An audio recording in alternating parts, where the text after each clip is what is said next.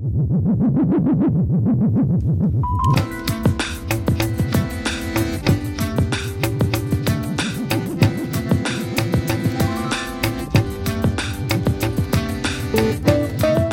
lado da rede e outro lado do Atlántico temos a Luis Martínez Sobrido que nos atende desde Texas. Eh, moi boas noites para nós, eh, moi boas tardes para ti, Luis. Boas noites, Manuel. Gracias por tenerme con vosotros outra vez. Outra vez, porque con Luis eh, estivemos, eh, tivémolo eh, en persoa física hai oito, hai oito anos, no 2012, aproveitando unha estadía de vacacións na túa terra, na Coruña, e así te pudemos entrevistar nos estudos da Radio Galega da Coruña. Pero o caso que como investigador e como virólogo a túa carreira profesional la estás facendo en Estados Unidos e levas xa eh, dúas décadas en alá, en Estados Unidos.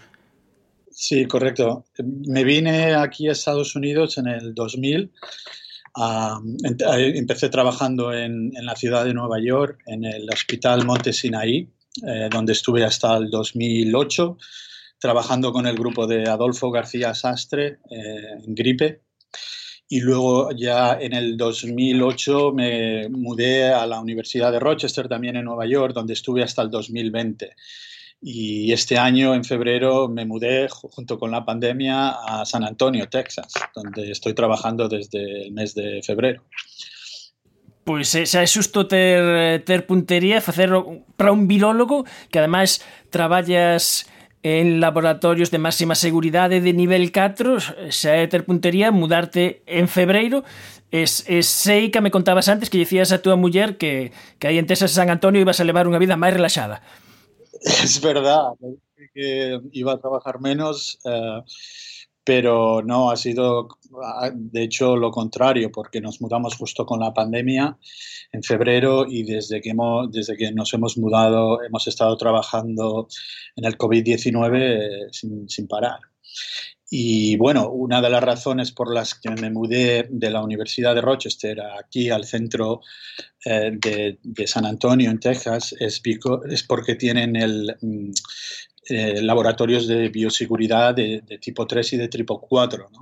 Y para trabajar con COVID-19, eh, uno de los requerimientos es laboratorios de bioseguridad de tipo 3 que no tenía en Rochester y de hecho ha sido una, una buena un buen tiempo para, para, para, mudarme aquí. Y la otra razón es porque aquí en, en el instituto en Texas tenemos eh, acceso a, primates para poder estudiar algunas de las vacunas o anticuerpos o eh, antivirales eh, con, con, con, con, monos, con primates. Uh -huh. Esas fueron las dos razones principales, el tener acceso a estos laboratorios de bioseguridad de tipo 3 o 4 porque nosotros también trabajamos con virus como Ebola, que causa fiebre hemorrágica en humanos, y estos requieren eh, laboratorios de seguridad de tipo 4 que hay solo cinco institutos en todo Estados Unidos que se pueden trabajar y uno de ellos es este en Texas, por eso me, me mudé aquí. Y luego el, el acceso a, a, modelos animales de primates que, que, son importantes cuando se quieren desarrollar vacunas o antivirales. O... Para que nos demos cuenta, eh, do limitados que son estas instalacións eh, en España non hai ningunha instalación que teña ese nivel de, de bioseguridade que son como os das pelis onde cando entres neses laboratorios eh, con presión negativa trases de astronautas eh, me imagino que os sistemas de seguridade todo por triplicado. Pues sí, eh, de hecho cuando vine aquí a entrevistarme era, fue un poco, daba un poco de miedo porque teníamos que pasar controles de, de seguridad obviamente, para, para, poder acceder al instituto y tenemos tarjetas para acceder a al área de laboratorios y obviamente los laboratorios eh, de nivel 4 están todos monitorizados con cámaras en las que siempre está la gente de seguridad eh, vigilando para que no ocurra nada. Eh, precisamente eh, destes eh, meses de traballo arreos sen parar e prácticamente sen descanso, empezan a sair eh, resultados en forma de, de, de publicacións, de avances, tamén de, de preprints, e o que nos chamou precisamente a atención e por eso eh, quixemos volver falar co virólogo Luis Martínez Sobrido é un traballo que fixeron no que houbo tamén participación española no que fixestes unha reconstrucción eh, duns clones infectivos do virus da COVID, do SARS-CoV-2. Explícanos que quere dicir isto de facer uns clones do virus. Estos clones infectivos es, una de las uh, mejores herramientas que se pueden tener en un laboratorio de virología para poder trabajar el virus, porque nos permite utilizar estos clones infectivos para generar virus recombinantes en el laboratorio. So, prácticamente lo que hicimos fue coger el genoma del virus y clonarlo en un cromosoma pequeñito, de tal manera que cuando este cromosoma lo introducimos en células, las células van a ser capaces de producir virus. Entonces, con este sistema lo que podemos hacer ahora son muchas cosas, como por ejemplo generar virus fluorescentes, y es, algo, y es una de las cosas que ya hemos hecho. Hemos generado virus del COVID-19 que expresan proteínas fluorescentes, que es uno de los preprints que está en, en, estos archivos, archivos de, eh, en online. Y, estos virus fluorescentes nos permiten fácilmente eh, identificar qué células están infectadas con el virus sin la necesidad de utilizar otros, otros uh, eh, otras técnicas que normalmente se necesitan. Ahora simplemente infectamos con estos virus fluorescentes, vamos a un microscopio y si vemos fluorescencia en una célula sabemos que el virus ha infectado esa célula. Y como te puedes imaginar, esto es una herramienta muy útil para, por ejemplo, poder identificar antivirales o anticuerpos que son capaces de neutralizar el virus. La otra cosa que estamos haciendo con este clon infectivo es eh, seleccionar los eh, distintos genes virales para poder entender cuál es la contribución de cada uno de los genes del virus en la virulencia en los modelos animales que también hemos establecido aquí en, el instituto. y esos son, por ejemplo, dos de, los, de, los, de, las, de las aplicaciones que podemos eh, usar para, con estos clones infectivos del, del COVID-19. Eh, para facer eh, esta reconstrucción eh, artificial de facer estes eh, virus clónicos que, que vos creades no laboratorio utilizades como tecnoloxía eh, cromosomas artificiais eh, de coido que de, de lévedos. Sí, correcto. Son, son, como, son como cromosomas pequeñitos de levaduras que nos permiten eh, introducir, secuencias eh, externas de, otro. Es, una, una, técnica que ya utilizamos hace unos años con Zika. Con Zika también fuimos capaces de introducir en estos cromosomas pequeños de levaduras eh, el genoma entero del virus de Zika y ser capaces de generar virus recombinantes para poder estudiar cuáles son los, los, factores de virulencia del virus en cultivos celulares, pero también en, en, los modelos animales que establecimos para Zika. Y a ventaja que ten, eh, que como dices, esto de poder ir collendo calquera eh, xen eh, do eh, eh, e ver que función eh, ten cada unha das partes eh, do virus, de, tal xeito que o coñecemento do virus sexa o máis profundo posible.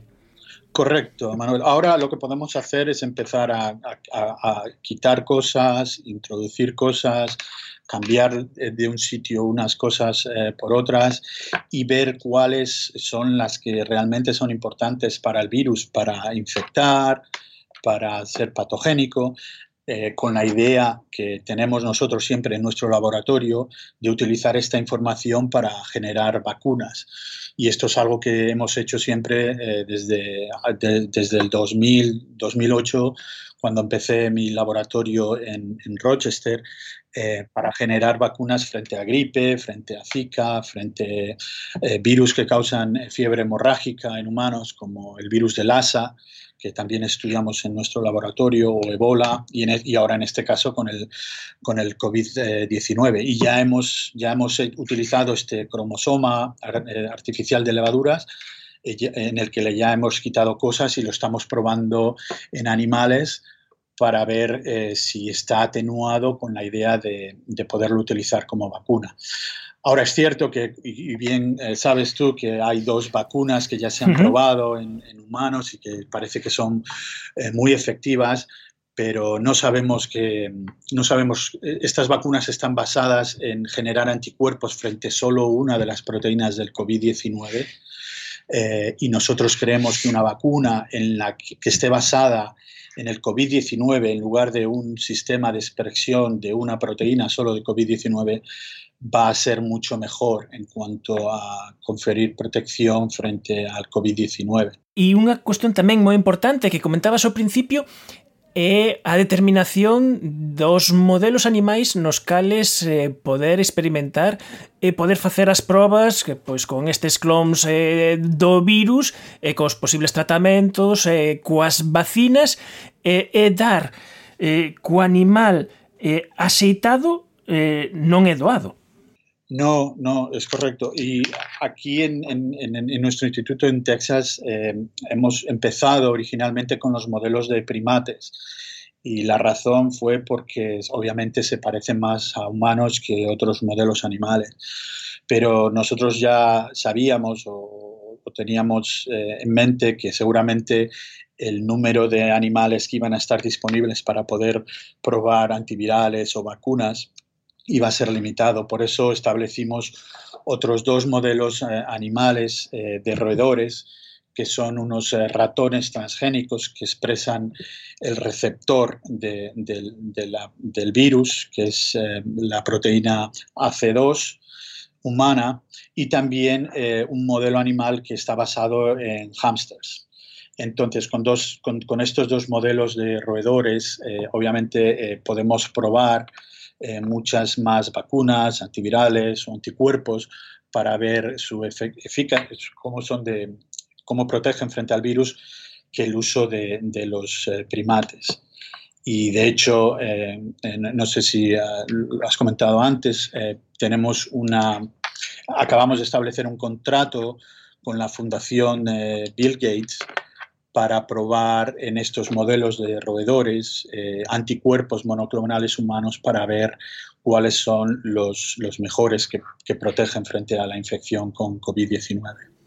No, non o, comentara, pero tiña aquí moi apuntadiño que eso, que hai un par de días eh, recibistes este millón de dólares da Fundación Bill Melinda Gates eh, para probar eh, estes anticorpos humanos eh, no que vos facedes eh, con outros grupos de investigación eh, buscades os mellores candidatos que poden dar os mellores resultados eh, que poden ser dos vosos laboratorios ou de outros laboratorios. Correcto. Eh, hay un grupo en, eh, en, La Joya, en California, en San Diego, que es el que se encarga de, de cole, coleccionar los distintos anticuerpos y ellos los distribuyen a, a distintos laboratorios en los Estados Unidos para probar cómo funcionan eh, en neutralización del virus en ensayos en, cultivos celulares y nosotros, nuestro instituto se va a encargar de mirar cómo estos anticuerpos neutralizan el virus en modelos animales, en estos dos que te comentaba antes, en los ratones transgénicos o, o en los hámsters. Unha cousa, unha constante que, que, que vimos vendo nesta pandemia é a rapidez de produción de coñecemento científico, porque se estamos comentando o primeiro traballo que vos que, que comentamos eh, dos clones eh, do SARS-CoV-2 é do 25 de setembro. E logo, se ves a vosa produ produción, se tedes preprints en 14 de outubro, onde xa falades do, dos hamsters, tes o 18 de novembro da precisamente da deste SARS-CoV-2 recombinante, tedes o acordo eh, coa Fundación Bill e Melinda Gates, eh, digamos que estades eh, eh, como moitísimos laboratorios no mundo eh, nun sin vivir e mesmo non sei se vos dá tempo a, a poder ver unha mínima parte de todo o que publican os vosos colegas. No, especialmente ahora que eh, mucha de la información esta científica está disponible en, en Internet antes de que se publique por una revista científica. Y, y, de hecho hay una competitividad muy alta ahora mismo en ser los primeros que, por ejemplo, eh, utilicen un, un, cromosoma artificial eh, para generar virus recombinantes, que nosotros fuimos los primeros eh, en el mundo en, establecer este tipo de, genéticas para rescatar el virus, así como los modelos animales. Y, eso son, eh, lo de la Fundación Bill Gates es uno de los, de los muchos ejemplos, porque ahora, ahora aquí en, en el instituto tenemos como entre 30 y 40 contratos con distintas compañías que quieren probar eh, compuestos para ver si tienen actividad antiviral o anticuerpos o, vacunas porque no hay muchos laboratorios en los Estados Unidos que puedan, que tengan la capacidad o, los modelos establecidos para hacer este tipo de ensayos que tenemos nosotros aquí. Entonces, eh, recibimos eh, prácticamente todos los días entre dos o tres eh, propuestas para, hacer este tipo de trabajo que obviamente tenemos que, evaluar y tenemos un, comité, hay otro español, eh, Jordi Torreyes, eh, catalán, que, está ayudando para evaluar este tipo de, estudios y ver cuáles son los que para nosotros tienen mayor prioridad, porque no podemos abarcar todos los, los, todas las propuestas que nos están llegando. En el caso concreto de vosa investigación, da vosa hora de traballo, cales pensas ti que deben de ser os seguintes fitos que, que as metas volantes que hai que, que conseguir? Pues eh, prácticamente las dos áreas de investigación que estamos intentando um, priorizar con los estudios estos de COVID-19 es eh, estos anticuerpos monoclonales eh, que nosotros hemos desarrollado en el laboratorio, que hemos aislado de, personas que fueron infectados con el COVID-19, entonces hemos aislado estos anticuerpos y hemos visto que los, algunos de los anticuerpos que tenemos, de hecho, son mucho mejores que los de otras compañías que se han descrito, por ejemplo, los de Regeneron, con los que han tratado al ex presidente de, Exactamente, sí, sí. los Estados Unidos. Eh, algunos de nuestros anticuerpos son mejores que estos, pero lo que hemos visto también es que el virus es capaz de mutar y, de, alguna manera escapar el bloqueo de estos anticuerpos. Entonces lo que estamos haciendo ahora es generar eh, eh, cócteles o combinaciones de anticuerpos que cuando los utilicemos el virus no sea capaz de mutar. Porque es algo que nos tememos que puede ocurrir con el COVID-19 que va a ser muy parecido a lo que ocurre con la gripe, ¿no? Y por eso nos tenemos que vacunar con la gripe cada año.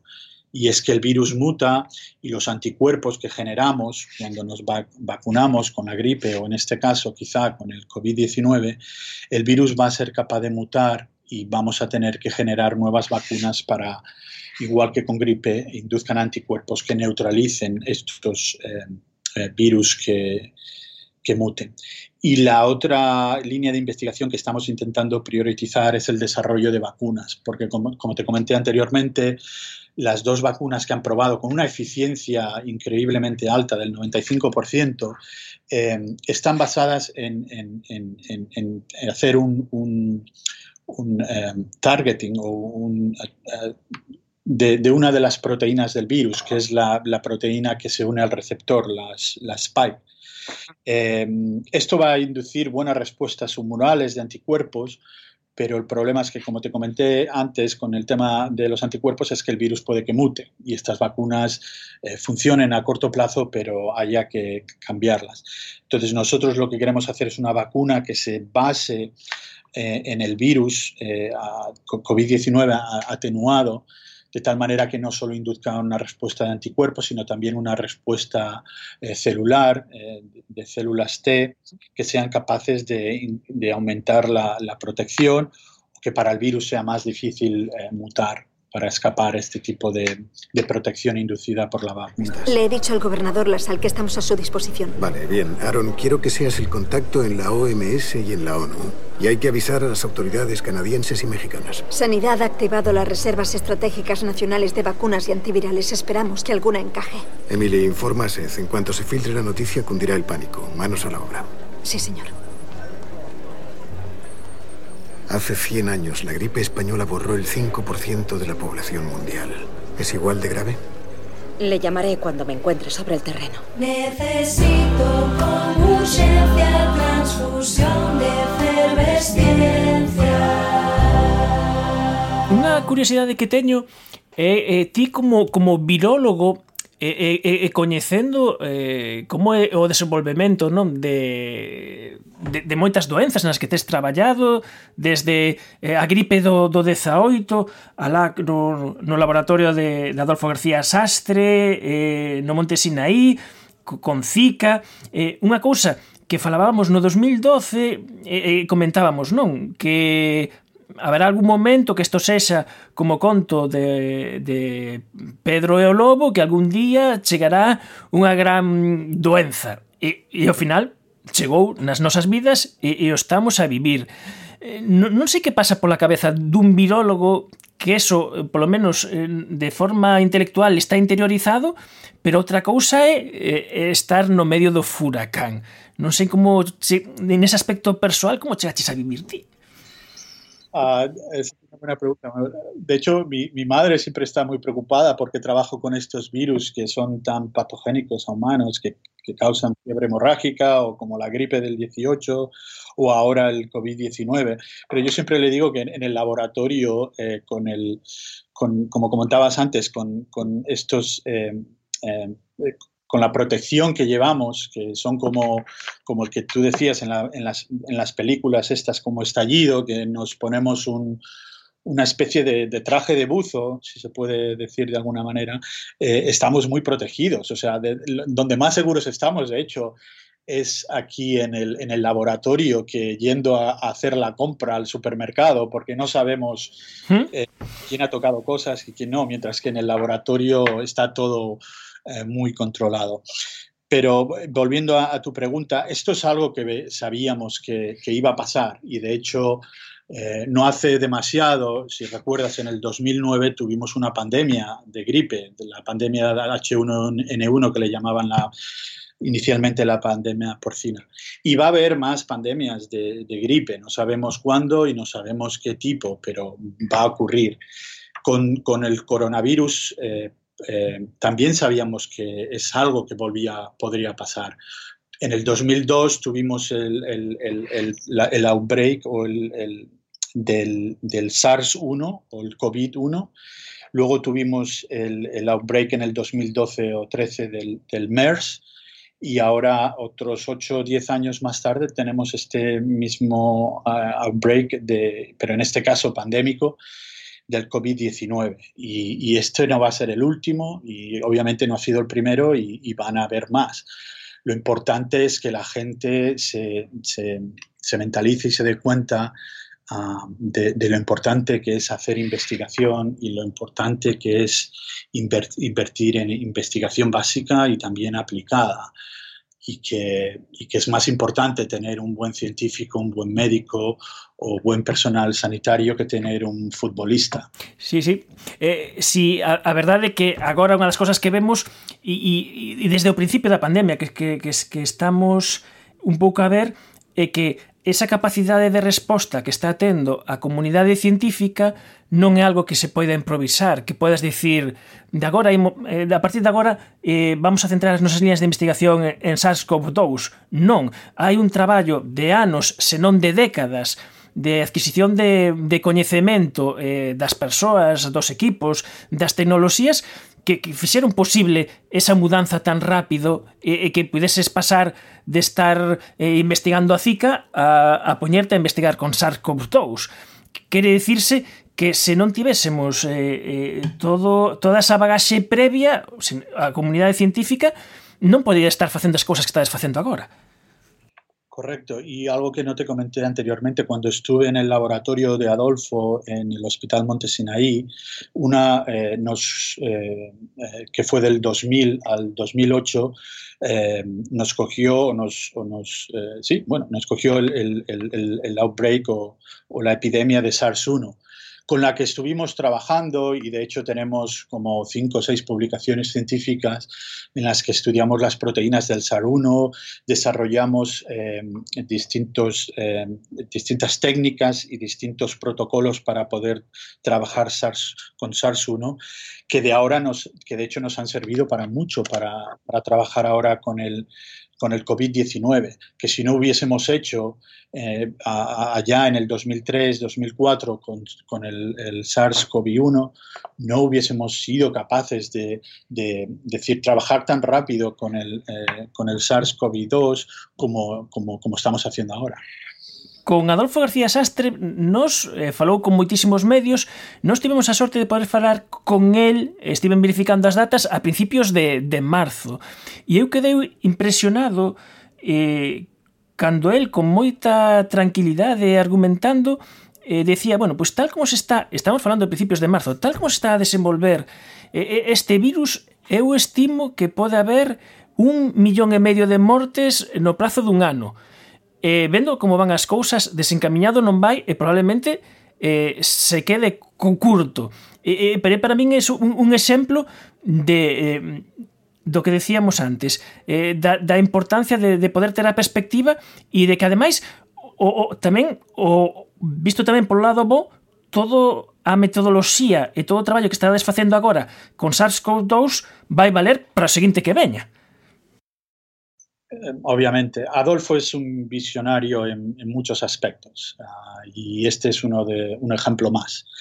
Y obviamente lo que dice Adolfo por la experiencia que tiene y por la trayectoria que ha tenido es algo es alguien para sin lugar a dudas tener en, en cuenta. Eh, nosotros cuando eh, salió el, el, el COVID-19 empezamos a trabajar con él eh, porque ya habíamos eh, estado trabajando con él, con el SARS-1, cuando yo estaba en el hospital Monte Sinaí con él, y, y, de hecho uno de, los, uno de las primeras publicaciones que, que tenemos, que fue en, un, en, un, en, la revista Nature, fue para identificar antivirales eh, eh, que tuviesen, eh, que fuesen capaces de, de, de, de, inhibir la replicación del, del COVID-19. Eh, yo, creo que oí la, entrevista que le hicisteis allá en marzo y sí, y yo creo que estoy completamente de acuerdo que esto seguramente sea solo el principio, porque sin, querer ser un poco agüero o, preocupante, eh, a, estamos viendo que el virus es capaz de mutar, eh, todavía, aunque hay vacunas, todavía no se han implementado y seguramente cuando se empiecen a implementar, de alguna manera seremos capaces de hacer que el virus mute. Eh, uh -huh. Estamos viendo ahora que el, el, los problemas respiratorios son los, los, los, que están causando la mortalidad con, con, con el COVID-19, pero no me sorprendería que en, en unos pocos años hubiese una, segunda ola de, efectos causados por la infección del virus que ya estamos empezando a ver, como problemas eh, cardiovasculares, problemas mentales, y, que ahora no se están eh, viendo porque va a ser algo a, más largo plazo que a corto plazo, como estamos viendo con, con lo que es la infección eh, del respiratoria del virus. Entonces, toda esta gente que ha pasado la infección o toda esta gente joven que piensa que no, no, no, no, no son una población de riesgo, eh, es, es, cierto en cuanto a, temas o problemas respiratorios, pero tenemos que esperar y ver qué es lo que va a pasar con otro tipo de, de, de problemas que, estas, que las infecciones con, con el COVID-19 pueden causar, como problemas eh, cardiovasculares, eh, mentales y demás. Hace 50 años los científicos encontraron víctimas de la pandemia del 18 en los hielos de Alaska. ¿Quiere decir que resucitaron la cepa de 1918? Los patógenos víricos pueden existir durante décadas latentes en la naturaleza y rebrotar de improviso. El virus del ébola surge periódicamente en África. La gripe española también terminará por reaparecer con insospechada virulencia. Y si no hay una vacuna, nos enfrentaremos a una pandemia. Por eso trabajamos con el virus. Los laboratorios lo necesitan para desarrollar una vacuna específica contra la gripe española. Quiero revisar sus medidas de seguridad y su inventario. Usted sabrá si ha desaparecido alguna muestra, ¿no? Verá, la ley nos obliga a informar de cualquier pérdida al CDC. E conto que a importancia de, de transmitir unha, unha información eh, realista que non nos vayamos eh, eh, os extremos, as novas recentes eh, da efectividade destas primeiras vacinas son boas novas e é mellor telas que non telas. Desde logo, por outro lado, tamén o, o, o ánimo colectivo tamén axuda a, a poder ollar para diante, pero non podemos esquecer coido que en, ningún momento, mellor é unha das leccións desta pandemia, que esta é unha carreira moi de fondo. Sí, estoy de acuerdo, Manuel. Uh, no queremos ser pesimistas, pero sí que queremos ser precavidos. Queremos eh, intentar eh, estudiar en el laboratorio eh, qué es lo que puede pasar cuando estas vacunas se implementen y, y si el virus es capaz de mutar y estas mutaciones del virus lo van a hacer más o menos virulento, esto es algo que, realmente tenemos que, saber. Y fue, fue una de las razones también por la que se rescató el virus de la gripe del 18. No era para, para causar otra pandemia, era simplemente para entender eh, cómo este virus, que era un, un, virus de la gripe H1N1 muy parecido al que ha circulado en humanos desde, desde los 60, 70, eh, fue capaz de matar a 50 millones de personas.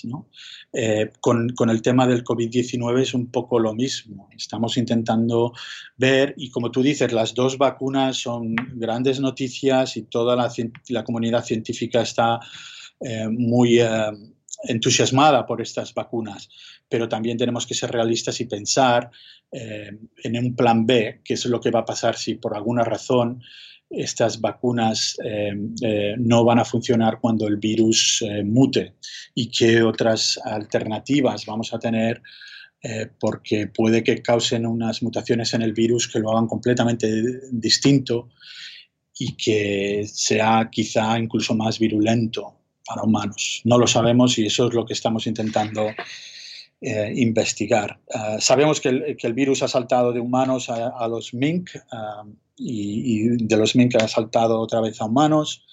O sea que el, virus claramente ha venido y, parece que va a quedarse.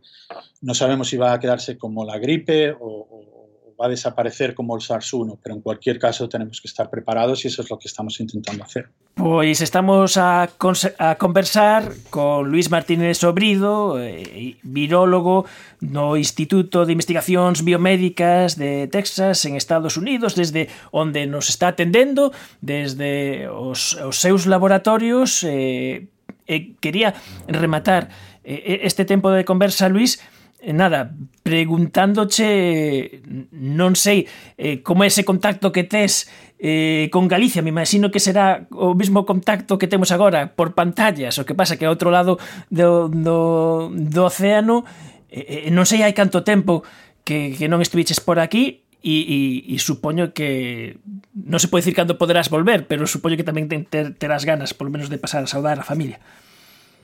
Pois pues sí, de hecho, estas navidades estas navidades teníamos pensado ir mi mujer y yo a visitar a mi familia, pero obviamente con el tema de la, de la pandemia no creemos que sea el mejor momento y lo vamos a tener que, que retrasar hasta, hasta cuando podamos. También lo mismo, eh, queremos que nuestras familias nos visiten aquí en San Antonio porque desde que nos mudamos con la pandemia no han podido viajar y bueno, intentamos eh, hablar con ellos prácticamente todos los días porque eh, el confinamiento en España, por lo menos eh, yo he visto con la gente con la que me comunico, familiares y amigos, eh, es, es, bastante, ha causado bastante daño psicológico a, a, la gente, ¿no? Por estar de alguna manera encerrados en casa sin, sin poder salir. Entonces intento hablar con ellos prácticamente todos los días, aunque sea un ratillo, y si no, eh, cada otro día para, para, poder ver cómo están y, que están bien y, demás. Pero sí, obviamente el, ir a visitarlos lo vamos a tener que retrasar un poco.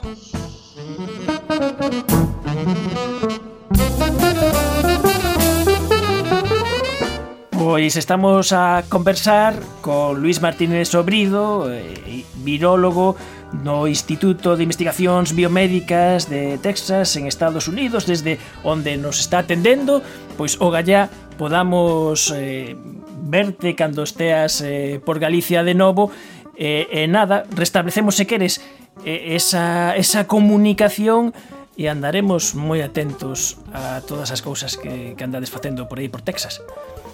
Con un poco de suerte nos podemos eh, juntar, como hicimos allá en el 2012, para hablar de, de, la gripe del 18, pero en este caso para hablar del COVID-19. Pues fantástico. Un aperta muy grande. Venga, gracias, Manuel. Un abrazo.